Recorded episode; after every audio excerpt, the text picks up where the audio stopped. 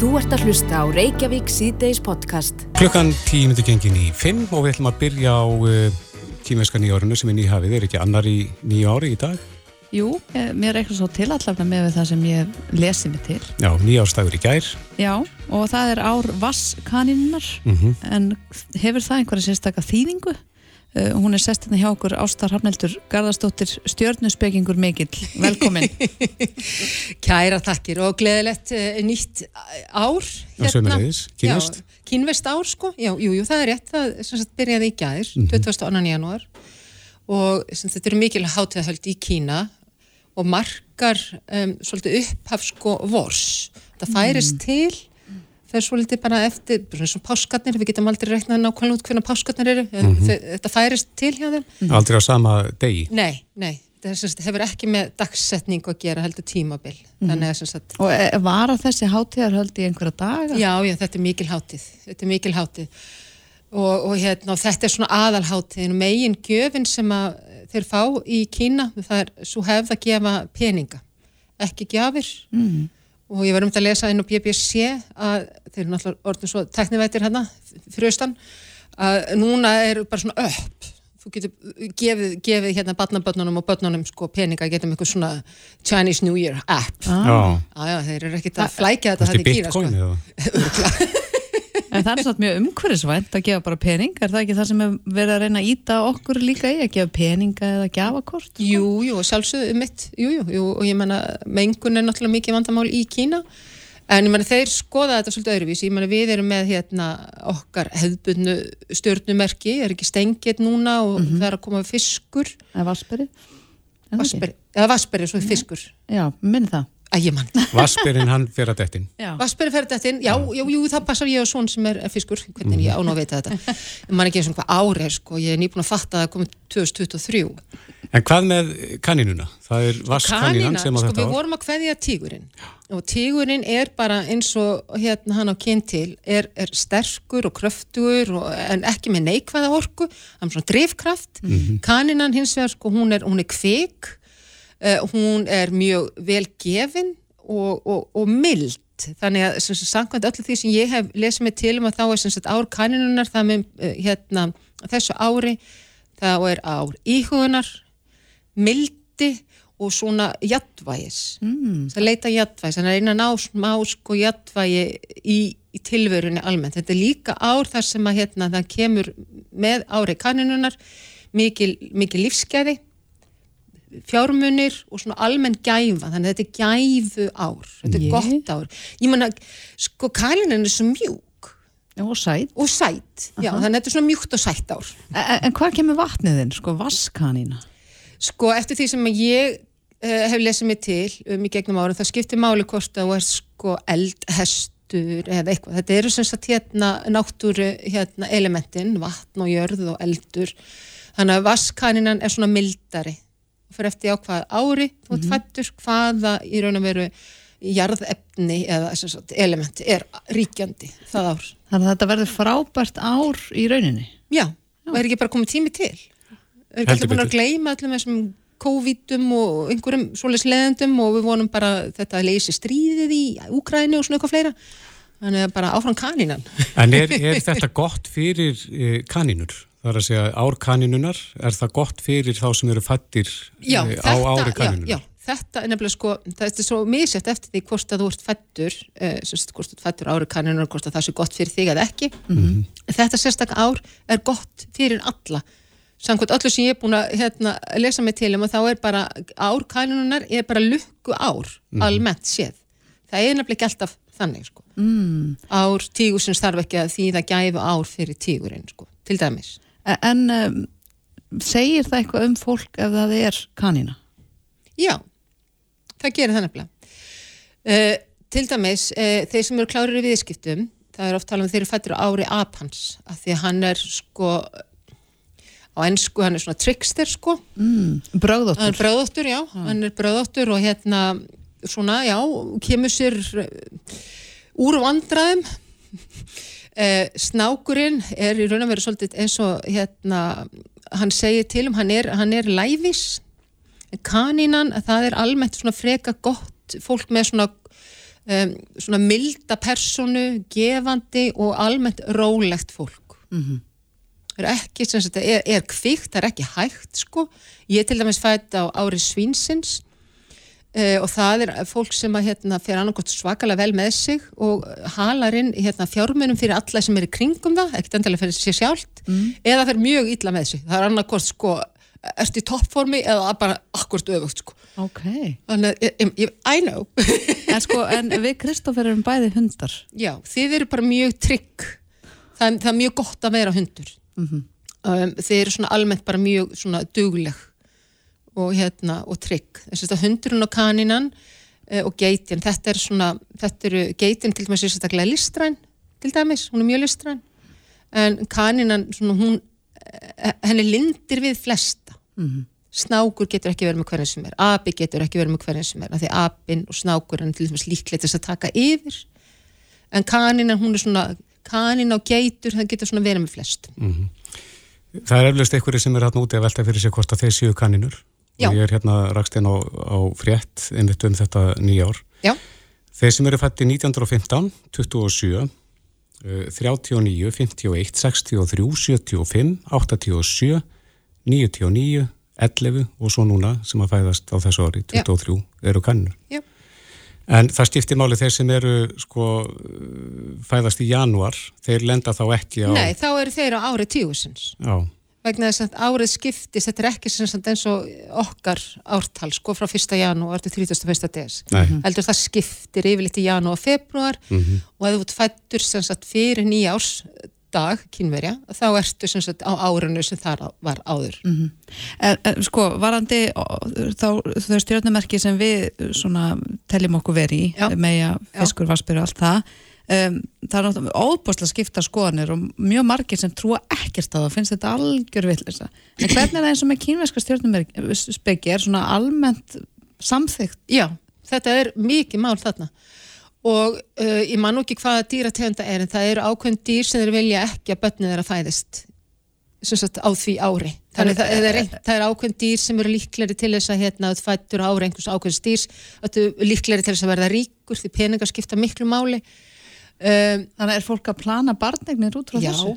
Já, og meira að segja, hún geti alveg að uppljóstrað einu lendarmáli svo er mál að hérna, það þykir lukkumerki fyrir kynverja að geta barn undir norðurljósum og stjörn heimni nei. Jú, já, yes, þannig að það hafa komið hinga kynversk pör í þeim eina tilgangi að, að, að framlega fleiri kynverja undir íslenskum stjörnubjörtum heimni á, á hagstæðu ári. Á hagstaðu íslensku ári. Og undir Norðurljósum. Já, sjálfsög Já, þú ert að taka móti, þú vinnur við það Já, að... ég að, er, að, að vinna sem leiðsögumæður Já. og er hérna, fæ, eins og einhver sagði, allra þjóða kvikindi til mín. Um, er sem sagt, hérna, leiðsögumæður fyrirtæki sem heitir City Walk. Uh, en nú reyndar mest megnis yfir vetartíma núna erum við með bandarækjumenn og breyta það er svona, það er svona þeir sem heimsækja okkur hvað oftast en, en svo náttúrulega kemur fólk viða annar staða frá og, og, hérna, og þetta er sem sagt eitt af því sem að hérna, kínverðar gerði, þeir komi hingað þegar þeir gáttu ferast hingað og þetta- voru þeir að segja þér frá þessu? Já, já, Já. og ég menna, sko, svo ég veit til þess nefnilega að það voru einhverjir að reyna sko, að marka sér til þetta, ég veit nú ekki hvernig það gekk fyrir, en, Í Kína? já, koma til Íslands og geta batnendur norðurljósa heimna, því það er einhver svona mikið lukka sem fylgir því. Já, já. Þetta er bara aldrei heyrt Nei, ég, að ég veit það, mér finnst þetta alveg stórum merkilegt. Þannig að þetta er, það er í rauninni þetta er markast tækifæri, þetta er markast tækifæri. 100% kannski eitthvað fyrir þig að hugsa meira um sko. Svona kínveskar uppáferðir, nei, Já. ég segi svona. Ef við má segja svoleiðis. það er hansi gott nafn, þetta er bara komið þannig að þetta, það er litið á þetta sem eða, já, vísind Já, ég menna þetta er bara eins og, þú veist, með okkur Íslendinga, ég menna, þú veist, við þykist ekki vera uh, trúið að hjá trófull, við erum það nú samt.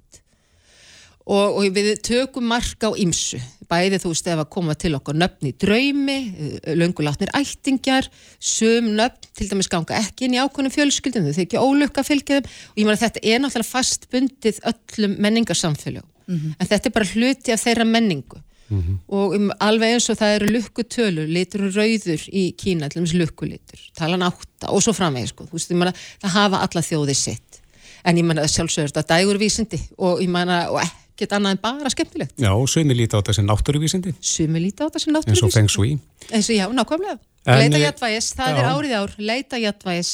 En þú ert komið með hérna kynningarherfiðina uppáferðir, kynningarskar Uppáferðir, kynveskar uppáferðir. Ástar Hefnindur Garðarsdóttir, kæra þakki fyrir komuna Takk, takk sem leiðis. Les. Þú ert að hlusta á Reykjavík síðdeis podcast. Jæja, það var þennan dag, 23. januar eh, 1973 sem að góðs hófst í heimægi. Mm og það er búið að vera að minnast þessa atbyrðar í dag í ymsum fjölmjölum og mér langar bara rétt árin að við förum lengra að minna á að eftir kvöldfrittir hér á bylgjunni þá verður endurfluttur þáttur sem hann kvart okkar gerði Já, þar sem hann rifjar upp uh, þennan merkisatbyrð með Eddu Andresar og Pál Magnúsinni já, einmitt.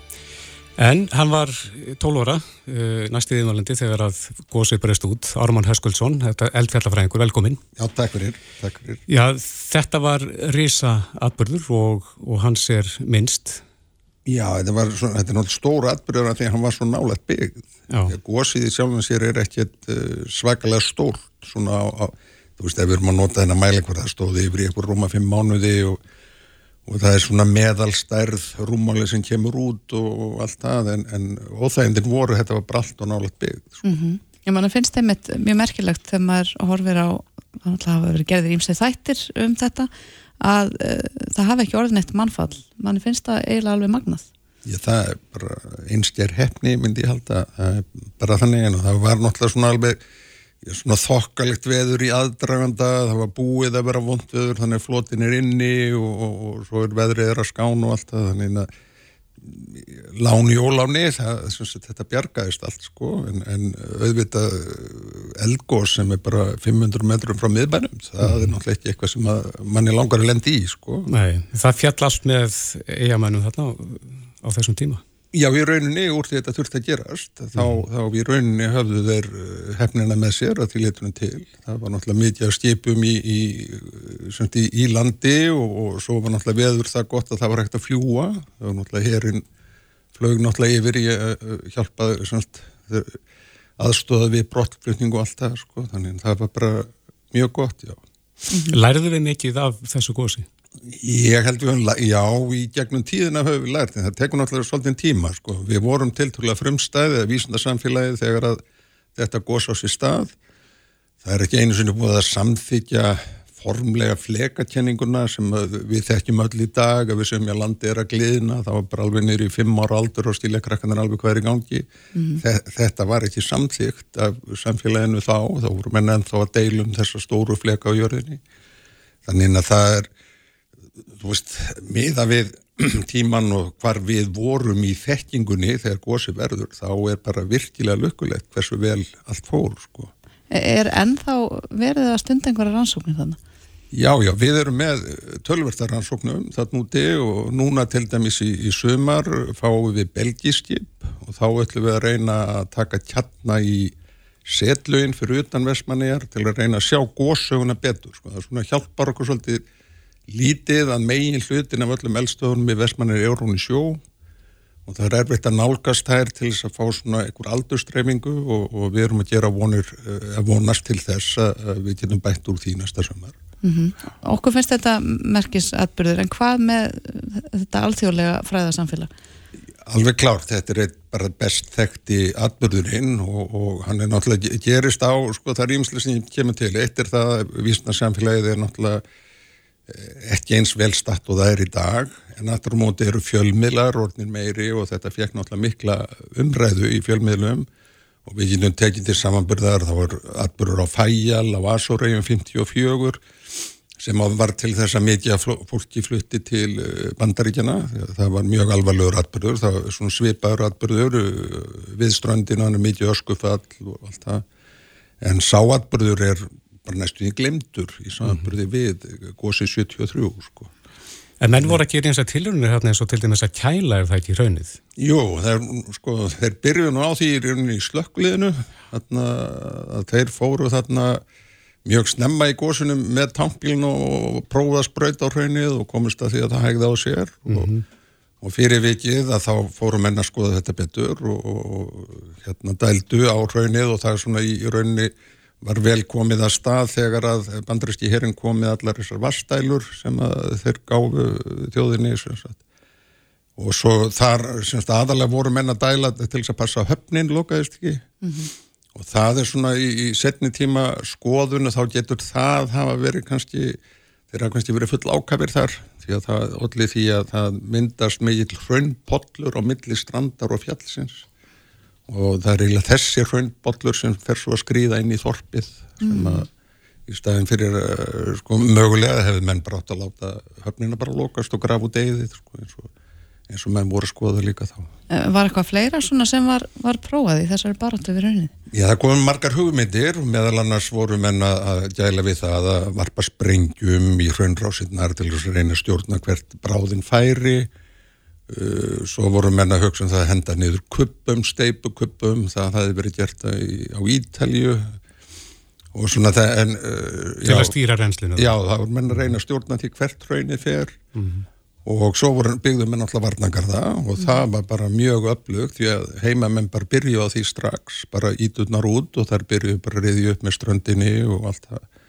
Og þessir varnangar alveg klárlega þeir, þeir gerðu óbóslega mikið sko og sérstaklega strandvarnagarðurinn og, og maður sér hann móta fyrir honum er þessi ennþá í hrauninu þannig að það er engin spurning með að það sem menn uh, pröfuðu og gerðu það var náttúrulega gert af litlum efnum við erum náttúrulega fátæk þjóða á þessum tíma en, en uh, tókst bara ágætlega sko. mm -hmm. og svo eiginlega eiginlega versta var þegar að sko þegar voru komið þarna held að það verið komið frem februar þegar að hlýðin úr gígnum fellur sko og þá opnast tiltrúlega greið rás inn í bæin og þá var sem sagt þá var sem sagt hérna, já það var eiginlega svona alvarlega sko því að þá byrjar raunin að geta runnið aftur í áttabænum í staðin fyrir að fara í, bara út í sjó sko. Var enginn fyrirvari? Það er að segja, nú þekkjum við þessar hrinur, gósrinur í Grindavík Var, var ekkert sem gaf til kynna að þarna væri hugsanlega brjótast út gós? Jú, jú, jú, jú, alveg nokkrum dögum áður og allt saman. En það bara, eh, sko, já, vísindum voru bara ekki komið nógu langt. Það voru ofáir stjáltamelar í landinu. Mm -hmm. Ég held að það hefur verið tveir virkir, einn í Myrdal og einn í MI mannréttin á, á hérna, laugavatni. Og þau hefur verið með tvo, sko, að því eina sem við getum gert með stjáltamæli er að mæla hversu langt er í hann, stjáltan. Og þá fáum við ringi kringum mælinn mm -hmm.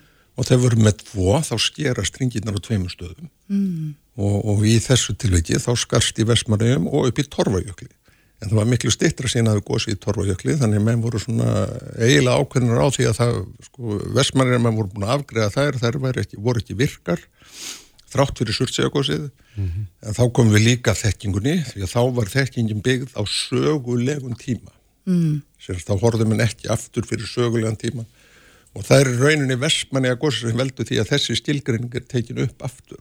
Þá sjáum við náttúrulega að það þýðir ekki að vera miða við það sem við höfum upplifað. Við verðum að geta sé lengra aftur í tíma til að stilja eldfjöldin Þannig að þetta geti ekki gerst svona í dag með alla þessa þekkingu og, og mæla og hvaðina? Nei, ég, við myndum örgulega að vita það 24 eh, eða meira tímum áður heldur en elgós verður að þessi vona velgósi þannig að við hefum ekki alveg rólega með það að að þetta skjáltanett sem nú er komið í landið og, og svo náttúrulega ef við erum upp á landi þá erum við líka með hérna, þessa bylgjuvíkslmælingar sem mæla hvernig landi liftist og út í eigum erum við allavega með eitt GPS-mæli sem er staðsittur inn á miðri heimægi þannig að við myndum strax sjá ef eitthvað er að fara að tróðast inn þá myndir hann fara að lifta sér og reyfa sig og hann mælir í sífellu þannig að við sjáum bara strax ef eitthvað fyrir að gera mm -hmm. En það er mikið talað um sérstaklega út í eigum, vilja á göngum millir lands og eiga. Hvaða skoðun hefur þú á því? Er, er það óhægt? Já, ég myndi segja það. Ég held að sko með vera, það voru gerðar forkananir á því á, á sínum tíma og meða við hver menn ætlaði að hafa göngin, þau átt að vera vestanmegin og, og þar hundu við ekki neinar nýjar sprungur eða neitt En það er að vísu forkunun og ef menn að halda áfram með þetta þá verða menn ætla að bóra gángaleðina til þess að vita nákvæmlega hvuslas berg þeir ætla í gegnum og hversu lekta þeir og allt það. Mm -hmm. En ég held að menn ekki að hætta við þá hugmynd fyrir alveg orði ljóst sko að það sé algjörlega ógerlegt. Því að það er ekki spurning fyrir, fyrir eigaskeggja og, og náttúrulega hýna þarna á norðurei að komast yfir, komast í heimsóknu aðra að geta komist upp á land þegar vilja það er, það er náttúrulega bara í eitthvað þægindi sem við þekkjum sem búum á höfbruksvæðinu, við getum eiginlega farið hvert sem við viljum, hvernig sem við viljum. Mm -hmm. en út í eigum erum við náttúrulega glíma við það í vondum veðrum að þá er sjónin þannig að við getum ekkert farið á milli. En að þú mæli með göngum? Klárlega, ég mæli með því að mann klári að skoða þetta ég finnst það bara algjör sko frum atrið, þetta er bara allt og mikilvæg bær fyrir samfélagið og allt það sko. En hvað með eldvirkni í Vestmannum og í kringum eigarnar, er hún einhver? Já, sko, náttúrulega Surtsey var náttúrulega forbóðin að heimíagúsinu mm -hmm. og það gerist þarna, byrjir þarna tíu árum áður að Jósi Surtsey, en á þeim tíma eins og sagði á þann að þá þekktum henni þessi flekaskil og hvað þetta þýtti og gerði ekki samtenging á milli, sko núna vitum við það og við erum að reyna, við erum komið tilturlega góða mynd af hafsbóttinu þannig við vitum nokkur með hversu margi gígar er á bótninum hættin kring. En það sem okkur vantar er svolítið sagan og þess að semst, eh, geta nelt niður hvað gís uh, á margra ára fresti. Mm -hmm. það er hugmyndin með þessu skipi sem er að koma frá Belgíu að við ætlum að reyna semst að ná einhverjum svona kjarnahólum sem við getum þá kannski hort ég uh, vonandi 10.000 ára eftir í tíman og þá getum við séð svona nokkund veginn hversu reglulega gís á heimægar sveðinu. Sko. Og þá er þetta spá fyrir um framtíðina? Já, er, við erum með eina hólu sem við tókum 2017 heimann rétt uh, hún var bara mjög stutt, hún, við náðum ekki nema meter og, og botnir á honum var 1000 ár, þannig að og svo erum við með eh, nokkuð góðar svona endurkastmælingar í setinu þarna þannig að við sjáum öskulögin frá mismandi eldgóðsum eh, í heimiðasveðinu og svona fyrsta nálgun í því er að svona góðsrinur sé eitthvað svona cirka 1000 ára fresti, 1000-2000 ára fresti. Og þá getur góðsrina getur þýtt að það gjósi þá tvísa, trísa, fjóru sinnum. Mm -hmm. og ef að þetta er góðsrina þá er búið gjósa tvísvar, við erum alltaf búin að fá góðs í surtsi og svo í heima mm -hmm. þannig vonandi bara sefur þetta restu 1000 árin En þú varst að segja okkur aðeins frá því áður við fórum í útsendingu að, að, að þú ástand fleiri með reyna að púsla saman þessu heimaðjar gósi og hvað gerðist nákvæmlega, getur þú sagt okkur aðeins? Já, nú, við erum búin að vera því núna í nokkur ár í samstarfi við skóla í Breitlandi þar sem við erum að fara yfir gögnin frá almannavarnanemdin í, í Vestmanauðum sem er alltaf mikilvægt að eh, geta sett sér í spórin ég var alltaf bara 12 óra þannig að ég var ekki á sveðinu mm -hmm. en það eru svakalega góða skýslur, mjög hérna nákvæmar og, og Pátsófinur hann held opbúslega vel utanum þannig að það, það var tekin afrið af öllu sem nefndin gerði. Og við erum svona að reyna að setja þetta allt saman til að geta séð svona kannski viku fyrir viku hvað í rauninni, hvernig í rauninni þetta gerðist allt saman. Og, og svo greinur uh, bara komin vel á veg, það er svona eftir kannski eitthvað 10-15% en þá tökum við sem bæði lýsingarnar hjá þeim þegar þeir eru að klíma við gósið og svo nýtum við okkur allan út með tækni til dæmis í kortagerð og hvernig við getum uh, tekið myndir sem eru teknaregnar og sett þær nákvæmlega inn þannig við vitum nákvæmlega hvað er að gerast og allt það þannig að það, það er bara mjög fróðlegt og þegar það kemur út og þá hugsa ég að menn verður, já menn koma til að læra heil óskup því þetta þurfum við líka að gera sko. mm. það er að fylgja eftir, það er ekki nóg bara að æða út og ætla að fylgjast með og eitthvað það þarf líka að fylgja eftir sko, hvað, hvað lærðum við og mm. hvað getum við gert betur og allt það sko. Tekna upp tíma línuna Nákvæmlega mm.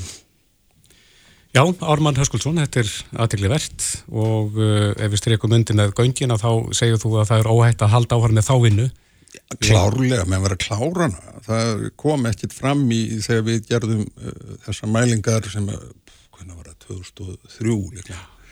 Að það kom ekkit þar í, í þeim gögnum sem afneitaði því að veri mögulegt. Nei. Og menn verða bara að klára þessa vinnu. Ég meina það líður öllum miklu betur upp á eigum ef við erum með greiða leið upp á land og eins okkur hinum ef við erum með greiða leið út í eigar. Flott að fer í sundarsund þegar ánga. Við veitum að ekki fagnar þessum orðin. En Ármann Höskuldsson Kæra þætti fyrir komuna. Já, takk tjállega. Þetta er Reykjavík C-Days podcast. Já, já, höldum á fram og við ætlum aðeins að snú okkur að vinnumarkaðinu. Já, heldur betur. Um, já, nú stefnir ebling á verkvalds, verkvaldsaðgerðir mm -hmm. og ég sá hérna á deva.is fyrir dag að samtök atvinnlýsins vöktu aðdegla því í svo kallu mánudagsmólum eh, hvaða áhrif brottfall afturvirkni kjærasamninga geti haft á félagsmenn eblingar og þetta er svona hvern samantækt með ýmsum uh, dæmum en uh, það er spurning svo þessi stað sem komin upp er núna, er hann ekkert sérstaklega glæsileg? Nei, þess maður geta við reyndum að ná í Solveig önnu í dag en e, náðum ekki í hana. En á línun er Haldur Benjamin, e, frangatastjóri samtaka Adnurlífsins, kom til sæl. Já, komið sæl. Þessi dæmi sem er að fara yfir hérna í mándagsmólunum, um, já, getur þau summerað þetta upp? Hvað fælst í þessu? Hvaða áhrif hefur þetta? Eh, Kanski málfætningu samtaka aðtunulísins á undanfjöldum vikum hefur verið óskup einfaldur og skýr. Það hefur gengið mjög vel við gerð kjara samminga og við höfum samið við megnið af öllum almenna vinnumarkaðanum á sömu nótum. Samakvært litið er til allra SGS-félagana fyrir utan eflingu sem eru átjantalsins ringin í kringu landið, verðlunumannafélagin eða yðnaðamannasafélagin. Allir þessir aðilar hafa undirritað já, mjög áþekka kjærasamninga við samtöku aðtunlýsins sem við hefum líst yfir að séu stefnumarkandi í þessari samningshrifnu. Það sem þið eruð að vísa til er bara fréttabref sem við sendum á umbjóðandur okkar einu sinni viku. Það sem við erum aðeins að benda þeim á að þeir kjærasamningar sem við hefum gert hinga til hafa verið aftur virkir til 1. november 2022 og núna erum við hérna í janúarlokk 2023 þannig að það eru um það byrja tæplega þrýr mánuðir sem slík afturvirkni hefur náð til. Mm -hmm. Það sem við gerum í þessum dæmum sem á lesa um á netinu í fréttum er einfallega að teikna upp mismunandi aðstæður fólks eftir því hvaða störfum það gegnir. Vegna þess að það þarf aðtuga að búið er að semja við SGS-félagin hringin í kringu landið sem er fólk utan Reykjavíkur sem er í nákvæmlega sömu störfum oft hjá sömu fyrirtækjum og eblingar samningar ná til. Og til að gera mjög langa sögustutta þá eru við einfallega að benda á þá staðreind að þau félög, verkefælisfélög sem bóða verkföll og láta verkföll koma til framkvæmda kakvart samtökum aðunlýsins og umfjöðundum þeirra við þau er ekki samið um afturvirkni og við erum að benda á að það getur verið mjög kostnaðarsamt fyrir skjólstæðinga þeirra verkalýsfélag og við höfum í raun leift okkur að efast um að þetta sé vilji hins almenna félagsmanns efningur. Dæmin eru já, allt frá 35-40 þúsund krónum á mánuði og upp í miklu herri dæmi hjá þeim sem eru já, herra launuð og eru jafnvel að vinna álags og, og, á álags og yfirvinnu. Þessi, Þannig að þetta eru miklu fjármennu sem um er að tefla. Já, þessi afturvirkni, er hún alveg út á borðinu eða er leið tilbaka? Já, Gagvart samtökum aðurlýfsins og það er regla sem við höfum haft sem langstæsti viðsemendi landsins að þau stjættafélög sem að já, grípa til verkfalla Gagvart okkur umbjóðundum að við þau er ekki samið um afturvirkni og þá reglu, reglu höfum við haft í heyri svo árum og jafnvel áratugum skiptir. Mm -hmm. Þannig að já, þetta er út af borðinu. Ef að verkvalli verður, sem sagt. Já, og það er að lesa þessi dæmi, þau eru mýmörg og auðvitað eru við að reyna að kveikja umræðu og meðal félagsfólk öflingar. Það metist auðvitað heilstætt út frá sínum fórsendum. Uh, samningurinn við SGS er á borðinu og við hefum sagt okkar fyrst barna og þriðja markmið er að ná kjara samningi við eflingu og eflingafólk og tryggja þeim þar með já, réttmætar afturvirkar hækkanir frá fyrsta nóvambur. Mm -hmm. Ver, verkfallsbröst mun koma í veg fyrir slíka afturvirkni og það eru verulegur kostnæður sem að, sem að eh, eins, eins, einstaklingar geta hort fram á. En, en eins og einhverjir hafa bent á, þar að meðan alltaf solvið annað, þá eru verkvöld bara tæki sem verkalýsfélagin hafa til þess að ná sínu fram. Já, já, og við höfum aldrei gert lítið úr því tæki sem verkalýsreifingin eh, hefur til þess að knýja á um sínar kröfur. En eins vegar getum við ekkert stungið höfðin í sandin, hvað hvort er í staðrænt, að við erum búin að semja við öll félög innan ASI, stóru félögin á almenna vinnumarkanum, um efnislega samfjóða kjærasamminga og þeir kjærasamningar marka almenna stefnu hvað hvort vinnumarkaðinum í heilsinni.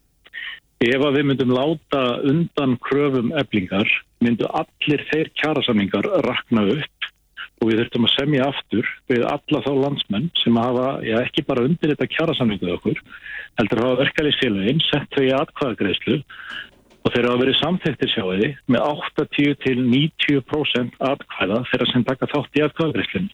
Mm -hmm. Einhver orðaði það með þeim hætti að ebling væri á góðri leið að verða eiland í íslenskri verkefælisbaratu og ég held að það drægi ákveðlega upp á stöðu sem við búum við í dag. Já, þú sagði við okkur hérna þegar það slitnaði upp úr viðraðum ykkur á milli á sínu tíma að uh, samtök aðnægjusis hefði upp í erminni ákveði verkfæri og talaður um verkbönn. Getur þú stýrt út úr okkur út á hvað það verkfæri gengur? Ég hefur einn bara að tala með þeim hætti að þegar kemur á samskiptum við fórustu eflingar þá hefur einslan kent samtökum aðnægjusis að útiloka ekki neitt. Þar til að verkfull skella á þá munum við reyna að knýja á um já, farsæla löst deilunar. Sem dæmi þá er ríkisáta sem er búin að búa deilu aðila til fundar á morgun. Mm -hmm. en á morgun er einmitt tvær vekur liðnar frá því að eblingu upp á sitt einn dæmi sleit viðraðum og listi þær áranguslausar Við erum áfram með huga við það að ná kjara samingi við eblingu við erum áfram með huga við það að í raun tryggja félagsfólki eflingar, það er réttmætu afturvirk og hækkanir sem að hverðið er áum í samlingum við SKS-félagin hringun í hringu landi. En mér finnst þetta ekki svara spurningunni með út af hvað verkbann gengur? Ég get alveg útskilt það. Vinnulögjöfinn býður upp á samkverfu, annars vegar á milli verkefælisfélag og hins vegar aðtunur rekanda. Þannig að verkbann, hvað skilgræningu er, þá er einn bara öfugt verkfall. Það sem aðtunur rekandur er raun ákveða að senda fólk í verkfall sem er kallað verkmann. Það er einfaldast að skýringin. Er, er oft gripið til þessa verkverðis? Nei, þetta er mjög lítið notað og hefur lítið verið notað í gegnum árin. Mm. Það var síðast notað í sjómanadeilu 2016-17 minnum mig. Uh, hins vegar er þetta ekki það sem er eftir á bögi eða eftir á bladi á samtökum aðrunulífsins. Við viljum leiða allar okkar samningu þegar það er í jörð það hefur gengið mjög vel og ég ætla ekki að útiloka að það verði rauning af hvert eflingu líka. En, en ef þessi fundur á morgun gengur ekki sem skildi og, og núna erum við bara að tala í svona ef og ef og Já. ef og, og, og ef það ef, skella á verkvöld, hvað gerist þá? Ég hef, ég hef ekki góða reynsla því að vera að svara mörgum ef spurningum, sérstaklega verður komið þrjú ef í rauð. Ég hef umfæðilega lítum raunsetta á stöðuna hverju sinni Það er mjög mikil vonbriði að öfling hafi já, búið til atkvæðagræsluðum verkfall. Einan öflingar eru um 21.000 starfsmenn sem að starfa á almennu vinnumarkaði. Eh, eh, finnst þér, fyrir ekki, finnst þér vond að, að fá þessa eh, atkvæðagræsluðum verkfall í fréttir daginn áður en þið eru að fara að ganga til ríkisáttasemjara? Nei, nei, ég ætla ekki að segja að þetta við komum mér óvart. Þetta við búið á þetta. Það sem kannski kom mér og öllum öðrum óvart. Eitthvað þetta við tekið þau langan tíma Ég veitu að farið víða og fundi í mörgum fyrirtækjum en niðurstaðan er þessi að beina verkváðsagerðum gegn já, einu fyrirtæki sem er þá Íslandshótel og Fosshótel sem er í eigu sömu aðila. Þannig ég get nú ekki sagt að það hefur komið á óvart að þau skildu bóða aðkvæða greiðsluðum aðgerðir en það hafa þau daglega bóða það í fjölmjörgum. Áttu vona á eitthvað þókist á morgun? Ég hef ekki að segja við útilókum ekkert og svo lengi sem aðlar tala saman þá er von á laust en það er ljóst að þessi deila er í algjörum hút. Einmitt það. Já, við fylgjumst með þessum eh, fundi á morgun. Haldur Benjamin Þorbergsson, frangatustjóri samtaka Atvinnulífsins. Takk hérlega fyrir spjalli. Já, takk sömulegis. Þetta er Reykjavík C-Days podcast. Já, við höldum áfram þegar hérna er Reykjavík C-Days og það er ímestlegt rætt á alþingi í dag til dæmis tillaga sem að Katrín Jakobsdóttir fórsætsraðar að vil leggja fyrir þingið mm -hmm. að ofinberi starfsmenn og kjörnir fulltrúar verði skikkar til að sitja sérstátt námskeiðum haturs orðræðu og Sigmundur Davíð, formar miðflokksins, hann uh, gekka eins og Bjarnar Benditsson uh, fjármálaráðara í þingin í dag og kom þá upp á krafsuna að Bjarni er ekki sérstaklega sannfærður um að það sé vænlegt til árangus að skikka fólk á slikt námskeið. Nei, hvað segir fósættis á þennan sjálfur? Katrín Jakobsdóttir sem að tala frá Vestmanægum ef ég stíl þetta rétt, kom til sæl? Já, komið sæl. Jú, ég er stödd í Vestmanægum þar sem er aðtöfni kvöld til að minnast upphafs uh, eldgóðsins eftir 50 árum En, en já, það hefur nú verið áhugavert að fylgjast með þessu umræðum hatturs orðræðuna því við erum með ákveðin laga ákveðir sem varða hatturs orðræðu meðal annars í almennum hefningalögum uh, og það er til dæmis hverð á um það að hver sá sem hæðist að einhverjum róper, smánar eða okna manni eða hópi manna með ummælum eða annars konar tjáningu vegna þjóðurnisuppruna til dæmis eða lítarháttar eða förslunar og slíkt er talið upp að þar, þar er ákvæðum að sá hinn sami skuli sæta sektum eða fangils alltaf tveimur árum mm -hmm. og það eru fleiri ákvæði lögum þar sem er skjáttað um þetta og mér það nú fundist kannski umræðan um þetta tillögu fyrir vottum að, að fólk sé kannski ekki sérstaklega upplýst um þau lagáfæði sem alþengi hefur samþygt. Það sem við erum að rekja mjög ríkar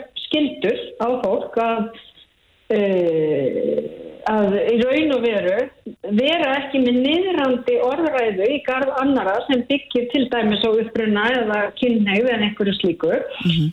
og þegar við lögum að stanna þessa vinnu þá er það vegna þess að við erum að sjá dæmum það í samfélaginu til dæmis að hins egin ungmenni meiri þætta gríðarlega niðrandi framkomu vegna sinnar kynneðars Þannig að þér, þér finnst í rauninni þetta hugtak hatus orðræð að vera nægilega vel skilgreint í, í íslenskum lögum? Já, lögjafinn hefur fjallað um þetta, ekki bara í almennum hækningarlögum, heldur víðar. Uh, það er hins vegar ekki einn skilgrinning uh, í lögum og ekki mittlið þjóða. Hins vegar hefur Evrópur ráðið. Það sem við erum núna í formensku tekið mjög viðtækt frumkvæði í því einmitt að hérna, skilgreina hattusorðaræðu og hafa einmitt sett fram ábyrtingar og tilmæli til sinna aðeldaríkjum og takast á þetta og ég verða að segja það, ég trú ekki öðru en að við sem samfélag viljum tryggja það að við séum upplýtt um þessi mál og einmitt áttum okkur á því að allt það sem við gerum einmitt getur haft þessi stærandi áhrif mm. uh, og ég heyri það líka að það er svolítið rætt með það námskeið en það er höfst að byrja ofinbæra stafsmenn til dæmis kennara og aðra þá sem er að vinna með börnum. Uh, lauruglumenn sem fyrir að taka stáði mjög floknar aðstæður oft í sínu starfi. Og ég held í raun og veru að þegar fólk skoður þessa tilöðu þá meina það raun og veru fagna því að við séum að efla fræðslu. Því eitt er það að setja hluti lögjöf ef við fylgjum því ekki eftir með fræðslu umræðu þá erum við þetta ekki að standa okkur. Já, þannig að þú tekur ekki undir með bjarnar það sé ekki vanlegt til árangus að, að uh, skilda fólk á slík námstíð Ég verðum að tala um ofinbæra starfsmenn uh, sem við gerum alveg sérstaklega kröfu til, ekki satt, að síni heilindi í sínum störfum, uh, gæti jafnræðis og annars líkt. Þannig að uh, ég verðum að eftir að sjá til dæmis hvað þeirra hagsmun og samtök segja því þessi tillag er í samráði og til þess leikurinn gerður að setja þetta í samráðskátt til að kanna hvað viðbröð við fáum. Mm -hmm. En þessi hópur sem vann þetta, hann kallaði til alveg ótrúlan fjöldafólks, uh, bæði frá stopnunum, atvinnulífi, verkanlýsfreyfingu og svo fjöldamörgum hagsmunasamtökum og þetta er þeirra tillaga sem ég seti raun og veru í samháðsgátt uh, og við auðvitað munum fara með þá gaggrinni sem best en ég hef ekki heilt annan að þessi ríkur vilji einmitt hjá þeim sem eru að vinna í festinu með fólkinu til þess að fá fræðslu um þessi mál. Mm -hmm. Þannig að þú hefur ekki, átt ekki vonið að þetta verði umdeilt tillaga þegar kemur til umræða á þingi?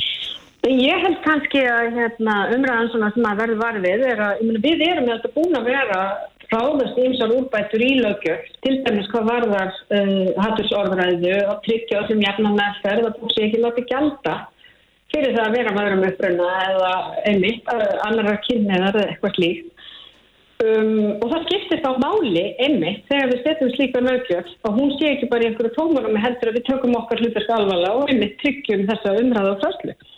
Þannig að ég veit ekki en, en það er auðvitað margt annað í þessari tillugu og hérna og eitt af því sem við ætlum að gera er til dæmis að fara í úttækt á nýluðum breytingum á almennum hefningalögum til þess að metta reynsluna af þeim Þannig að það er hérna ímislegt sem stendur til að gera í þessum tillu. Það stýst ekki bara um þetta fræga námskeið sem er svona mest umrætt sem ég held reyndar að við hefum bara öll gott af og ég hef sagt það sjálf og ég held að ég hef bara mjög gott af því að sækja slikt námskeið. Ég held að, að við öll uh, sko við búum í miklu fjölbreyttari samfélagi kannski með fættust inn í allavega við sem erum komin á miðan aldur eins og ég og ég held þar að leiðandi að, hérna, að þetta, að minnstakosti hef ég upplifað þessi gríðarlega lærdóm að kynna mig betur þessa málaflokka mannreitinda og jafnbreytis í fórsættisröfundinu er, er þetta mjög falin vandi? Myndur þú segja það? Já, hann auðvitað blossar upp þegar upp koma mál Uh, og það má segja það eins og bara þessi orðræða gafast hins eginn ungmennum hana, hún bara skilur og hún var tölvert umrætt hér fyrir nokkrum vikum uh, eða nokkrum mánuðum kannski og höstmánuð uh, við skulum ekki halda hins vegar að þau dæmi sem í fjölmjöla séu einu dæmi.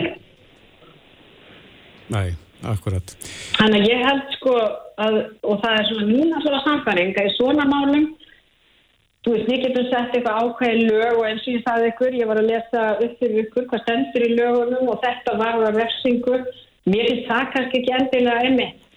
Sko, ég, ég vesti fyrir mér sko, hvað erum við að segja með því að setja þetta í lög að tala um svona niðrandi orðræðu og annars líkt, þetta byggir okkur um tiltænum málum og svo er þetta svo viðlög eigum við þá ekki að líta á það sem okkar hlutverk líka standa okkur í því einmitt að taka umræðina uh, fræða fólk og umleið gera útækt á því hvernig lögin hafa gefist en við erum eftir að sjá eins og ég segi hvernig þetta kemur út en af því að við erum að versta fyrir okkur skildunámskeiði fyrir ofenbæra starfsmenn þá hafa fulltrúar þeirra svona stjætta innan þeirra einmitt komið af þessari vinnu og verið í samráði við þessu menn og einmitt kallað eftir aukinni umræðu á fræðsli. Þannig að mun það fara svo ef þetta samþýtt að Bjarni Benditsson mun þurfa að sækja svona náskið? Já, mæntanlega. Alveg eins og við erum búin að skrifa undir það sem þingmenn að við fylgjum ákveðnum síðarreglum í framkomu og annað slikt.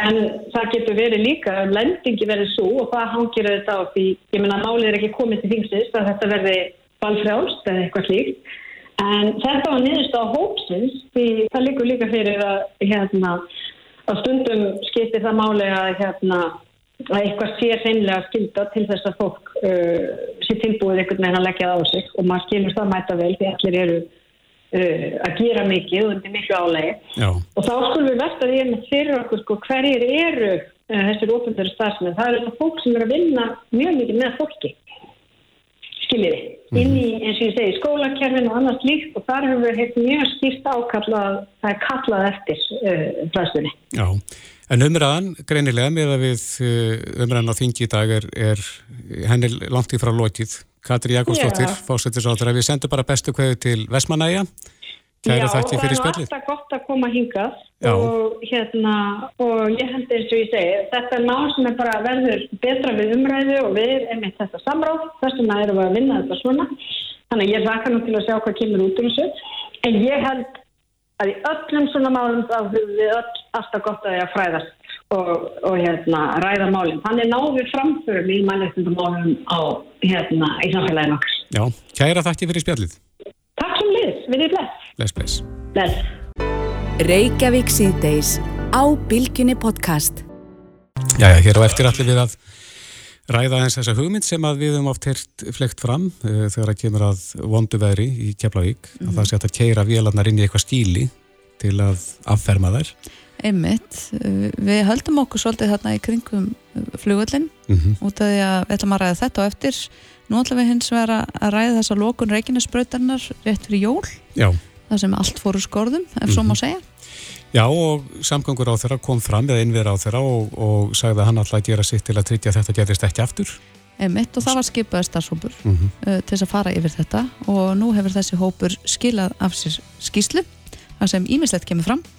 og til að ræða þetta með okkur er komin Bergþóra Kristinsdóttir, hún er framkvæmdastjóri þjónustusviðs vegagerðarnar. Velkomin Takk fyrir. Og þú sast í þessum hópi? Já. En það ekki? Eh, getur þú farið hans yfir helstu niðurstöður hópsins? Hvað, hvað var lagt til til að þetta gerist ekki aftur? Já, það er allavega kannski staðist að niðurstöðan er að það hefði ekki verið hægt að koma í veg fyrir að Reykjanesbröðin hefði lokað mm -hmm. og það er einfallega bara vegna þess að á tímapunktum þess að tvo, þrjá sólaringa sem óveðri gekk yfir að þá var einfallega bara vond viður og blind á Reykjanesbröðinni að þó við hefðum haft öll heimsið snjómostustæki þá hefðum við ekki haldið umferð og sagt, ekki opið fyrir umferð einfallega bara okkur þess að það var ekki örugt Nei, en hefðu getið opnað fyrr? Hefðu getið hugslega opnað fyrr aðeins í einhver lengri stund á mánudeginum þá opnaði aðeins um mánudagskvöldunu og lokaði fljótt aftur en hugsalega hefðu við getið opnað aðeins fyrir á mánudeginum mm -hmm. og fyrir á þriðita smotni Þannig að þetta gæti komið fyrir aftur? Já, ég held að það sé ekki hægt að segja annað en mjög vond viður gerir alveg á Reykjanesbröðinni og, og svona blindrýð og mikill vindur er alltaf það sem er mjög hættulegt og ef það er sérstaklega hálka að, að þá er bara aðstæður þá örgar að Reykjanesbröðin lokar visulegs aðstæður en svona lengi vonandi ekki. Mm. En, en hvað, svona fleira, hvað fleiri tilur er þessi starfsópur með? kannski það fyrsta sem í raunveru er að fara yfir raunveru kannski vélortæki um, á svæðinu nýttu við öll tiltæktæki, allt sem við höfum yfir að ráða og gáttum komist yfir á þessum tíma. Það eru förstæki fjögur á sólarringsþjónustu á þessu svæði og þau voru algjörlega fulli allan tíman alveg bort nýtt en við hefum þyrt vinnufélar sem hefði henda betur í til dæmis ringtork og mislaka aftamót á svæðinu. Við erum ófun að snjóu svona ofslega mikið á þessum slóðum, yfirleitt er minni og ofankoma í snjókomu á, á þessum slóðum þannig að við erum mjög ófun því að fá svona mikið snjó á stuttum tíma. Mm -hmm. En þú segir fyrir ekki að fjögur takja þessu svæði, er það Grindavíkuvegurinn og Reykjanesbröðin? Reykjanesbröðin, Grindavíkuvegur og Sandgerðisringurinn. Er það bara ekki á lít? Ekki venjulega, nei og það hefur bara dögðað okkur mjög vel en þegar ofan komin á svona mikil og eins og á Grindavíkvegi þessa helgi að þá þurft við, hefðu við þurft þar bara snjóblósara og aðra tegunda vinnutækjum heldur en við erum vanalega að nota þar. Mm. Sem þið hafið ekki aðgangað í dag. Sem við höfum ekki aðgang í dag. En, en ef þetta kemi fyrir aftur nákvæmlega uh, sama aðstæða, myndi þá vera forgangsröða þar að segja einblínum á For, reikinnarspröytinu? Forgangsröðin hefur alltaf verið skýr. Við höldum alltaf þeim vegum sem eru með mesta umferð lengst. Það er sem sagt, við reynum að forgangsröða þannig að eins og reikinnarspröytin á þessu svæði, hún er nummer eitt og, og tækin eru þar í fyrsta forgangi. En þegar og ef veðri kemur aftur þá ætlum við að vera búin að búa okkur betur með tæki sem henda betur fyrir svona mikið snjómagn í ringtorkum á mislanga 18 mótum og jafnvel í kringum vegriðin til dæmis á Grindaugvei. Þýðir það að þið þurfið þá að semja við fleiri aðila? Já, það mun mm -hmm. þýða það. Sem verður þá í startólunum? Sem verður það í startólunum og við þurfum hugsanlega líka bara að skoða með sveitafélagum, við höfum fundað með öllum sveitafélagunum á svæðinu og hugsanlega munum við geta sett upp meiri samlýtingu með þeim mm -hmm. þess að tryggja þessi tæki séu til um, það voru bara ekki kannski tæki til á svæðinu sem hefði henda best að vegna þess að snjómókstur á þessum slóðum er kannski ekkit eitthvað sem að mennur að gera mjög mikið af. Mm -hmm. ef þetta hefði verið á Norðurlandi það hefði allir verið velgræðum búnir og ekki verið neitt vesen að afla fleiri tækja.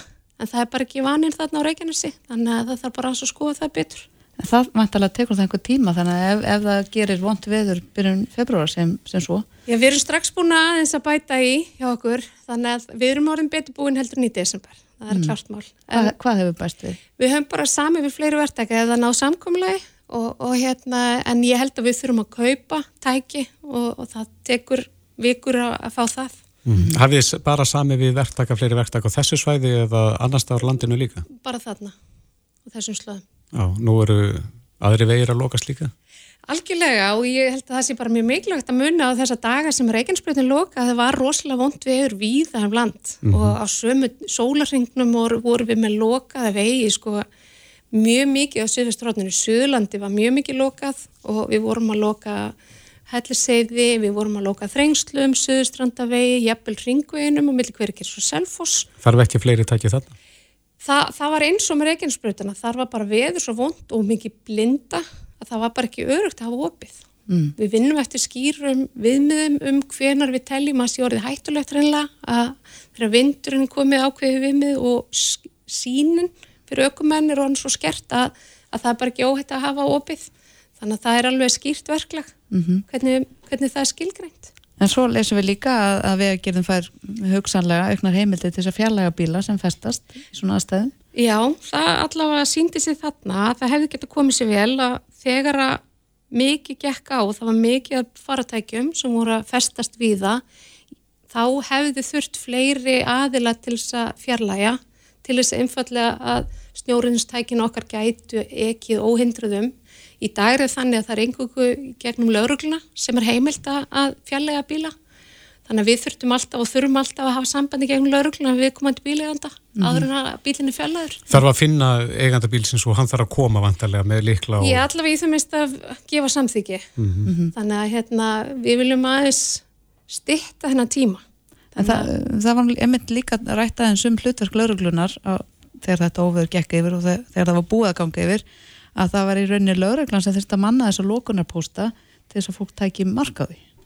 Já, einmitt þetta er náttúrulega stort atrið. Við höfum verið í miklu og góðu samstarfi við Björgunsveitnar hjá Landsbjörgu og þeir hafa verið samstarfsaðalokkar í þessu verkefni að manna lókunarpóstana og, og tímabili þarna var reyði fólk sem vildi komast orðið það mikil að lauruglan þurfti að koma til þess að svona halda skikki á, á, á hérna aðstæðum þannig að því meður en alla jafna hefur þetta nú gengið bara ágætlega með okkar einn starfsfólki og, og fólki frá landsbyrgu mm -hmm. en, en þarf við gera að fá ríkari heimildir til þess að stöðva för fólks um þessa vegi? Við höfum heimil til að loka og opna vegum. Við erum veghaldri og við alla jafna berum ábyrð á því að tryggja öryggi á vegunum og ef við teljum öryggi sé ekki tryggt þá höfum við heimil til að loka. Mm -hmm. Þannig að það er alveg skýrt. En þið, þið teljið enga þörf á einhverjum ríkari heimildum? Nei, en starfshópurinn leggur til í raunveru að verklag og verkaskiptingum millir lauruglunar og vegagerna sé skýrt og, og hérna þegar að lauruglan hefur alltaf neyðar heimild til þess að loka ef þeir telja að örgi sjóknað þá geta þeir greipið fram fyrir hendur okkur og, og loka vegum að því að eins og til dæmis þeir að slís þá loka þeir bara á þess að spyrja okkur lefis en, en það er svona hvernig þetta gerist og hvernig verklaðið er mm. okkar að millir eitthvað sem við teljum að þurfa að skýra En nú er þetta tilugur ekkert fast eh, á borði um, hvað gerist núna? Um, núna teljum við, sko, við inn á vegagerð höfum verið alveg frá því að þetta, þessir atbyrju gengu yfir og svo líka verið miklir snjóar og erfileikari kringum vík á, á jóladag og annan jólum. Við höfum verið að rína sjálf innan, innan dýra hjá okkur og innan hús, uh, alla ferla, tæki, tól, hvað við getum gert betur og úr þessari ríni, innri ríni og þessar tilhugur þessum starfsópi líka bara fyrir núna nokkur verkefni sem við erum búin að taka saman og erum að skilgrana staðist og það sem að kannski vonandi segja, þjónustu veitindur hjá okkur er verða var við, er raun og bætt miðlun og upplýsingagjöf mm -hmm. við settum í loftið í haust nýjan vef umferðina.is og þar erum við að æfa okkur í að miðla betur til allra okkar vegfærenda og viljum gætna að þar séu alltaf nýjistu upplýsingar og sem bestar upplýsingar og við höfum verið að þróa vefin áfram og, og ég vona að vegfærendur verði fljótt varir við viðbótar upplýsingar þar. Mm -hmm. Þannig að þið verði betur undir búin þegar að næsti kveldu kynna? Klárlega. Við vorum rosalega glöð að vefurinn stóðst álæð. Mm -hmm. Það voru á þessum tveim sólring voru 157.000 flettingar á vefnum. Þannig að hann, hann allavega stóðst álægsprófið. Já, þannig að þetta hefur greinlega áhrif á marga. Klárlega, klárlega. Bergþóra Krististóttir, frangvöldastjóri Þjónustu Sviðs eh, hjá Vegagerðinni. Kæra þakki fyrir komina. Gangi ykkur vel. Takk fyrir. Reykjavík síðdeis á Bilginni podcast. Það var mikill kvellur í gær. Mm -hmm. Þú varst að koma til landsins með flugi í gær. Já, ég kom til landsins í gær, var mjög þakklátt fyrir að komast til landsins. Já. Fannst minna spennandi að býða inn í flugvel út af því að það var ekki hægt að setja landgangin eða stegan við velna út af vindi. Já. En þú varst nú hefnar heldur en margir og sérstaklega þeir sem komu kannski snemma morguns með uh, flugvölum frá Ameríku. Heldur betur, ég sko skil ekki ennþá, ég ber mjög mikla virðingu fyrir því fólki og skil mm -hmm. ekki hvernig það taldi rósinni. Nei, en þetta er svo sem ekki fyrsta sinn sem að þetta gerist, að það gerir snalduvillu stöður og þurfum að halda farþegum innan dýra í flugvölunum á meðan að veðri gengur niður. Mm -hmm. Og maður spyr sér með sko þegar maður sittur hann inni, er, er í alveg ekki hægt að finna einhverja lausna allavegna til að koma fólki inn í hús? Já og þá og þá, það er matur og drikkur og, og klósett og fyrir alla já, já, þetta er spurning sem að ég heyri oft þegar að svona ástand kemur upp hvort að setja þetta byggja stíli nógu stórt til þess að, að keira þessum flugulum inn mm -hmm. loka hörðinu og þá er fólk komið í var og vélarnar Já Er það eh, lífsins ómögulegt? Já, það er bara mjög góð spurning. Á línunni er Ólafur Ágúst Ingórsson, hann er sviðstjóri bygginga hjá Eblu, góðan að blessa hann daginn. Um, já, þetta er stór spurning. Er þetta, er þetta hægt? Er einhver lausn í sjónmáli? Já, það er, það er auðvitað snúið að, að svara svona spurninga að, að því reyndi er allt hægt. Það er bara mhm. spurning hvað hlutinni kosta. Og ef maður horfir á þetta vandamál sem þið er að lýsa sem hefur komið upp já, frekar ofta á undarförnum vitrum þar sem að vindur fer yfir uh, viðmiðunamörk þegar þannig að hægt sé að að reyka landganga. Mm -hmm. Ég held að viðmöðunum séu 50 núta sem eru 25 metrar á sekundu og þá sláur unnu landgangarnir út. Að, að þetta er að gerast held ég hátt í 20 sunum af vetri meðaltali. Mm -hmm. En þetta mannverki sem þið lýsið eh, sem að myndi þurfa að reysa til þess að geta tekið vélarnar inn og, og komið farþögum út og inn í, í flugstöðu, það er þið náttúrulega að vera töluvert stórt þannig að það myndi rúma þessar stærstu vélar sem er að koma til landsins. Svona eins og flugskíli eru yfirleitt vantarlega? Já, flug, flugskíli sem að geta þá tekið við þessum breyþóttum sem að er, mm -hmm. er að fljúa til og frá landinu og þessi lausn er því öllum líkitum töluvert dýrari mannverki heldur en hefbundið flugskíli að því það þyrst að geta verið funksjonal eða virkað í miklu hérna, hvað kannu segja erfiðari aðstæðum heldur en flugskíli alla jafna er að e, virka í. Þá erum við alveg að tala um opnun að búna til dæmis á hurðum. Já, það er nú oft talað um það að ef að vindurinn er það mikill og kemur úr ángri átt að, að þá getur skílið einfallega splundrast. Já, það er sem sagt ef að hurðin er opnuð á, á skílinu uh, og ef hún myndi standa til dæmis í, í áveðus þannig að kæmi vindur inn í inn í flugskili þá magnast í rauninu upp vindur inn að utan og innan sem fer inn í skilið og hætt, hætt á að það myndi gef, eitthvað gefa sig þar. En auðvitað á hendanum er hægt að hanna sig frá öllu en það er þá bara spurning hvað þarf að kosta miklu til. Já, hver, hvernig, myndi, hvernig myndi byggningaverkningunum leysa þetta vandamál? Það er að setja nóga stáli og nóga, nóga hefnum en það er kannski ekki skilsalett og endanum til þess að, að leysa þennan vanda, þetta er alltaf spurning síðan um hva, hagsmunni, hva, hverjir eru þeir. Já, en líka það áriðinni ja, þetta er þá líka þessi, þessi hurða og opnuna búnaður sem er mjög erfitt að, að er mjög erfitt að opna skílið í þessum vindi sem var eins og í gær sem var upp í 35 metra á sekundu uh, kveður sem er yfir 130 km á klukkustund. Þannig að þetta er veruleg, verulegu vindur. Mm, en, en hugsanlega var þetta að koma upp flugskili þó við getum kannski ekki ráðið við öll veður en þá hefði til dæmis að við varum með skíli sem myndi þóla meiri vind heldur en þessi viðmunamörk fyrir landganga það þurfti fólk ekki að býða eins langan tíma. Getur fara einhvers konar milliveg? Það er eflaust hægt. Það þá bara þurfti að meta hvað hva væri ásættalegt fyrir þá fjárfestingu sem það þurfti að fara í hvort þú getur þá tekið þessa tölu sem er eitthvað um 20 skipti lokanir á ári og fækka þeim eitthvað og jáfnvel stitt tíman af því þetta getur að verið verilegu tími eins og sást ekki að er mm -hmm. sem að farþegar þurfa að býða klukkutímum saman eftir því að komast inn En væri en, hægt á svona stíli, Ólafur, að, að hafa opnun frá tveimur hliðum þannig að það væri þá hægt að stifta eftir hvernig vindáttin stæði? Það, það væri það, söm skíli eru þannig að það er hægt að opna þau í, í sekund endan en ekki í rauninni á tveim gagstæðum hlýðum að því þar bara burðar virkið myndi illa ganga upp með því. En oftast eru þessi skíli eins og sjáum við á keflaugflöðli þau opnast í rauninni bara í eina átt. Mm -hmm. þannig að við erum að fara inn og út um, um sum hurð. En, en við hérna á Íslandi erum kannski vanarði að fljúa í hlýrarlofslag það sem er mildari aðstæður en er, er einhver fordæmi, veistu það, á flugvöldum þar sem er svona íkt veður, ef svo má segja, hvernig það er leist, eða er bara hreinlega flugvöldum lokað og, og flugum aflýst? Já, ég held að, ég, ég þekki allavega engi dæmi um það, það sem að þetta er leist með þessum hætti sem við erum að ræða, að, að það sé flugskili sem hættir að keira vélar inn í, en þetta er þannig að, já, ég held að almennt sé þetta tækla þannig að, að fólk þarf annarkort að býða eða að flugum reynilega uh, aflýst eða þeim uh, beint annað á aðra mm -hmm. flugvelli. Já, en þetta er leysanlegt segiru, það fyrir bara eftir hvað menn vil leiða í vandamálið. Já, það, það, ég, það er svona formálið var það er allt leysanlegt en, en þetta, er, þetta er einstaklega snúið að leysa þetta og myndi þurfa að kosta tölvöld til en, en allt er leysanlegt. Emmitt.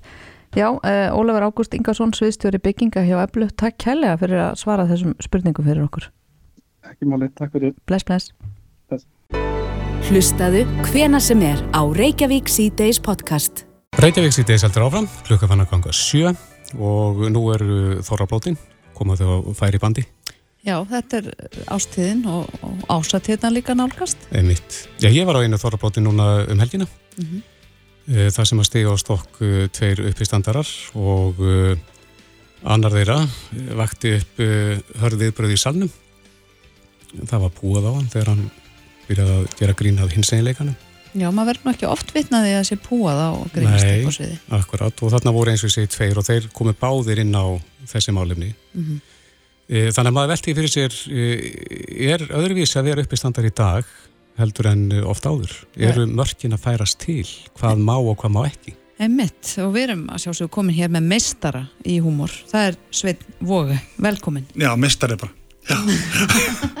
Já, þú ert alltaf fyrirlestur um grín. Já, það er spurning hvernig maður verði eins og Ólaf Þórðar eða kemur ný könnun á fylgi flokka, þá er hóað í svein. Það er að tala um húmor. Akkurat. Já, ég hef með, með námskeið um húmor að því að hérna, ég er búin að vera, náttúrulega, kannski stúdir, ég er búin að vera stúdir hann mjög mikið undanfarið og og átti minn fyrir í þessu var, var í uppistandi og visslustýra og eitthvað svona aðeins en þá mm -hmm. Kanski skjótaðinu, varst ekki finnast maður Íslands á einn tímpundi? Jú, það var hérna, nú, svo fyrsti. Það var á síðustu öll sko. Og það var ekki keft um finnast maður Íslands. Það var bara alveg alveg á hreinu. En hérna það var uppistandskefni en áðurum höldum áfram, þá verði ég að fá að senda bara ástakveður út í, út í EIR á mitt fólk. Að þú ert EIP? Já, já, já. stór dagur hjá okkur í dag. Einmitt og svo reyndar eru svo mikið eigamönnum á Tenerife, það er verið að pæli hvort að það getur verið bara ein af eigunum í Espanega klassanum það er svo mikið. Þá fyrir við göng svo. Já, þá þarf definitíð, þá, þá kalla það á göng mm -hmm. ekki spurning. Villega En þetta með gríni, þetta er vandrataði vegur og já, uh, þetta getur vatið upp eins og núnum helgina hörð viðbröð þar sem að mm -hmm. já, við fréttum að hópi fólk sem að var um það byrja að standa upp á fara. Já. Eh, hafa þessi mörg breyst mikið og sérstaklega þá upp á síðkastið? Mm, sko ég held að segja kannski meira þannig að við þórum að segja ef okkur mislíkar uh, mörgin hafa alltaf verið hingað og þangað og, og það sem mátti kannski fyrir ykkur ára síðan bara þótti jafnvel leðilegt grín ef, ef það til, það kannski gengur ekki í dag mm. ég man þegar maður var að byrja þetta hérna, fjör í, í kramlandega þá í mitt eitt af því fáskiptum sem sagði neytak þá ég var búin að vera dunda mér í eitt ára þá var sér sett prestur fyrir norðan sem bað með um að koma á fermingafræðslu mm -hmm. og þá var svona eitt aðalsketsi mitt það var, voru viðbröð Jósefs þegar hérna Marja verður ólétt ef það myndi gerast í öðrum löndum en það getur svona rétt þannig að það var ekki staður og stund fyrir, fyrir það grín sko Nei. og eitt af því sem mann ég eh, grínast líka með með hérna með jólasveinuna þeir, þeir hlýttu að vera sanginniðir út af, út af výmsu og þetta einhvern veginn og manni fannst það ekkert verið eitthvað kannski á þeim tíma fyrir 20 árum eitthvað svona sem orkaði tímalis. Mér finnst það í dag mm -hmm. en uh, þessi mörg eru þau eru doldið svona orðin þannig að okkur er kannski ekki bara sama. Og það er hérna og, og svo er alltaf spurt náttúrulega veist, hvað má og hvað má ekki og má ekki neitt lengur og svo framins við erum bara ekkert held ég orðin svona eins mótagili fyrir því að meiða sko ef við erum, sko að því að núna erum við eigum svo mikið að góðu grínfólki góðum grínleikarum og, og hérna eins og, og Ari og Ferri sem geta látað okkur degja og hlátri án þess að þurfa að vera meðandi mm -hmm.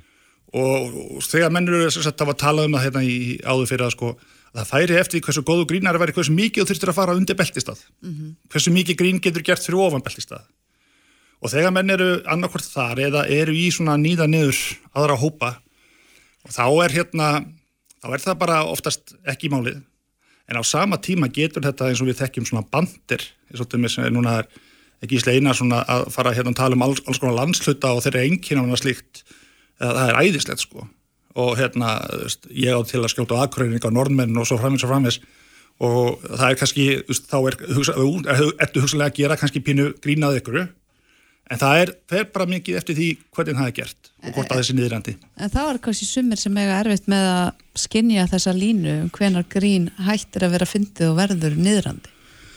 Það auðvitað og það er umlega... Er það misjönd? Já, rosalega, en þess að okkur finnst hlutir náttúrulega mjög misjöfni og eitt af því sem ég ger í, í, í fyrirlestunum mínum húm og virkar, ég er svona að reyna að hjálpa, hjálpa til og láta þeim líða betur sem eru með svo kallan svartan húmor. Því að svartur húmor gengur mikið út á það bregðast gegn hennu óvænta eins og þú ætti að lesa hugleg dagsum til dæmis, þú bara rétt þorir að fletta síðan og hvernig dettur um þetta til hug og þú hlærið þegar þess að það kemur þér svo óvart sko. Mm -hmm. Ef þú sér eitthvað renna glæsilega í hálkunni með, með yngöpapoka með stæl, þá ert ekki vondur eða vond ef þú hlærið sko. En það eru rosalega margar hlýðar hvað manni finnst verið að fyndið og, og hvað ekki og bara og það er líka eftir menningu og þjóðum og öðru. Þannig að það er rosalega erfitt að setja þá línu En þetta sko, ég hef verið spurður að hvenar, hvenar veit ég hvenar eitthvað er viðegandi og hvenar ekki. Og besta ráðið sem ég hef heyrt var hérna, sem tengist líka þessari MeToo-bylgu, að sko varðandi að tjá sig hérna hvort þú sést of grófur eða ekki í áræti. Og það er þetta að ef þú þart að hugsa þig um, þá slepptu því Mm. Já, já, það, það, er á, það, það er ágættis lína held ég og líka kannski þú ert að fara að flytja húmóra eitthvað gama mál fyrir framafölda fólki og þú ert að hugsa, næ, þetta er hugsanlega ekki málið mm -hmm. þá er ágættis líkur að það sé ekki málið En svo vorum við nú aðeins hérna áður við fórum í lofti að ræðum Ricky Gervais sem að mm -hmm. gerir grínað öllu og mm -hmm. hann mhm. meira segja fyrir eitt uppistandið sitt uh, bótið þráð á Twitter spurði sína fylgjendur hverjum og ekki gera grínað mhm. fekk svörin og bjóð til uppistand upp úr því gerði grína öllu sem fylgjendunni sögða mætti ger grína en hann gerir eitt sem er að hann er viðbúin því hver viðbröðum verða og leikur sem er það þannig að hann í rauninni fer einhvers konar ring Já, hann er hann náttúrulega líka nýtur þeirra réttinda, hann er náttúrulega orðin stóru og vinsæl og, og kannski kemst upp meira en aðeins, mér finnst hann frábær af því að hann er ekki að gera raun og veru, hann vil gera grína öllu jaft þannig séð. En mér finnst það nefnitt ekki gera það niðrandi og það skiptir ósvæmlega miklu máli að, að sko það eru það er alveg hægt að tala um hluti eins og, eins og, eins og trans og, og þetta dæmi í vestló með, hérna, með, með Hitler og hérna, Sigmund og svona, þú veist, það er alveg að sjá húmor í alls konar hlutum það er bara staður og stund hvernig er þetta að setja það fram Mm -hmm. En svo er það samt hvernig fólk uh, tólkar þetta. Algjörlega. Það sem að sömum blöskrar þykir áður en bara fyndið og skemmtilegt. Já, og það verður held ég, verður alltaf þannig þetta er bara, þetta er alltaf spurningum það að, hérna, að, að meta aðstæður. Af því að þegar við erum í okkar litlu vinnahópum og erum okkar, okkar negin húmór og kannski þekkjum það að það kemur ykkur annar nýr inn í hópin og bara, veist, hvers konar orðfæri er í gangi hér? Og þá bara, hérna, já þetta er bara svona í okkur sko. Mm -hmm. og það er ekkit allt því sko. En er þetta mikið rætt svona meðal uh, grínara og uppistandara um einmitt þessi mörg og hvað má og hvað má ekki? Eða eru allir bara svolítið í sínu hotni ákveða sín mörg? Fólk hefur allavega gaman að því að diskutera þarna. Þegar ég er búin með minn fyrirlestur og, og það er búin að fara gegnum virknina og hvað hann gerir gott og svona þá og spurningar í restina, þá er þetta oftar en ekki það sem er spurt. Veist, hvað má, hvað má ekki og, og er þetta í lægi, ég heyri þetta og, og er það fyndið. Og það er raun og veru bara svona umræða sem mun halda áframheldi eins lengi og við diskutur um húmor. Mm -hmm. En að það verður alltaf misjæft og þótt að þessi grunn element í húmor séu þau að þau þau koma okkur á óvart, það er eitthvað sem gerir sem, það gerist eitthvað svona, þessi pönslína kemur okkur á óvart sem lætur okkur minnast eitthvað eða sjá eitthvað í nýju ljósi og við hlægjum en það er náttúrulega alveg svo, eins og Kristó bendir á, sko, það er, það er til þess að dekkri hliða líka. Og það verður að nota húmor líka bara raun og veru til þess að skjóta og skjóta fast ef hann, ef hann hittir í mark. Og um, ég, veginn, ég hef, þegar ég verið að sko, hvort ég hef takað upp hanskan fyrir húmorið ekki þegar hann er, er beittur og svartur þá fannst mér svolítið gott að sem Sýra Bjarni sæði þegar hérna við vorum að taka saman þetta námskeið um, um húmórin að, að sko ef að húmór er ekki notað til þess að gleðja og hafa gaman og gera gagn þá bara er hann ekki húmór og hérna hvort sem það er sett að rétt hjá hann þá finnst mér það svona góð leið til að horfa á það eitthvað mm. því hann er svo dásamleg sko, ef hann er notað rétt mm -hmm. Já, svo kannast maður líka alveg við að, að horfa uppistand og, og hlæja og skammast sín fyrir að hlæja Já, það, það er bara, það er, það er mitt þetta, það er eins og með, með hugleikona, það er hérna, uh, en ef það myndi, ef það, þegar við erum að hlæja svona einhverju vandrarlegu eða slíku eða eitthvað, þú veist, á ég að hlæja þessu, þá er það hérna sjálfnast hannig að sé ymmit eitthvað svona beinlýst niðrandi. Við myndum held ég ekki, að, fæstum okkar myndum finnast það bara hreint og klart fyndið, en ef það er gert smeklega og hérna, og er ekki að meða, þá er það gaman alltaf. Já. Látum þetta vera loka orðin, Sveitn Vóge, eh, uppistandari, sérfræðingur í gríni. Já, húmóvirkar, já, húmóvirkar. Já, takk fyrir. Kæra. Já, bye bye. Reykjavík síðdeis á Bilginni podcast.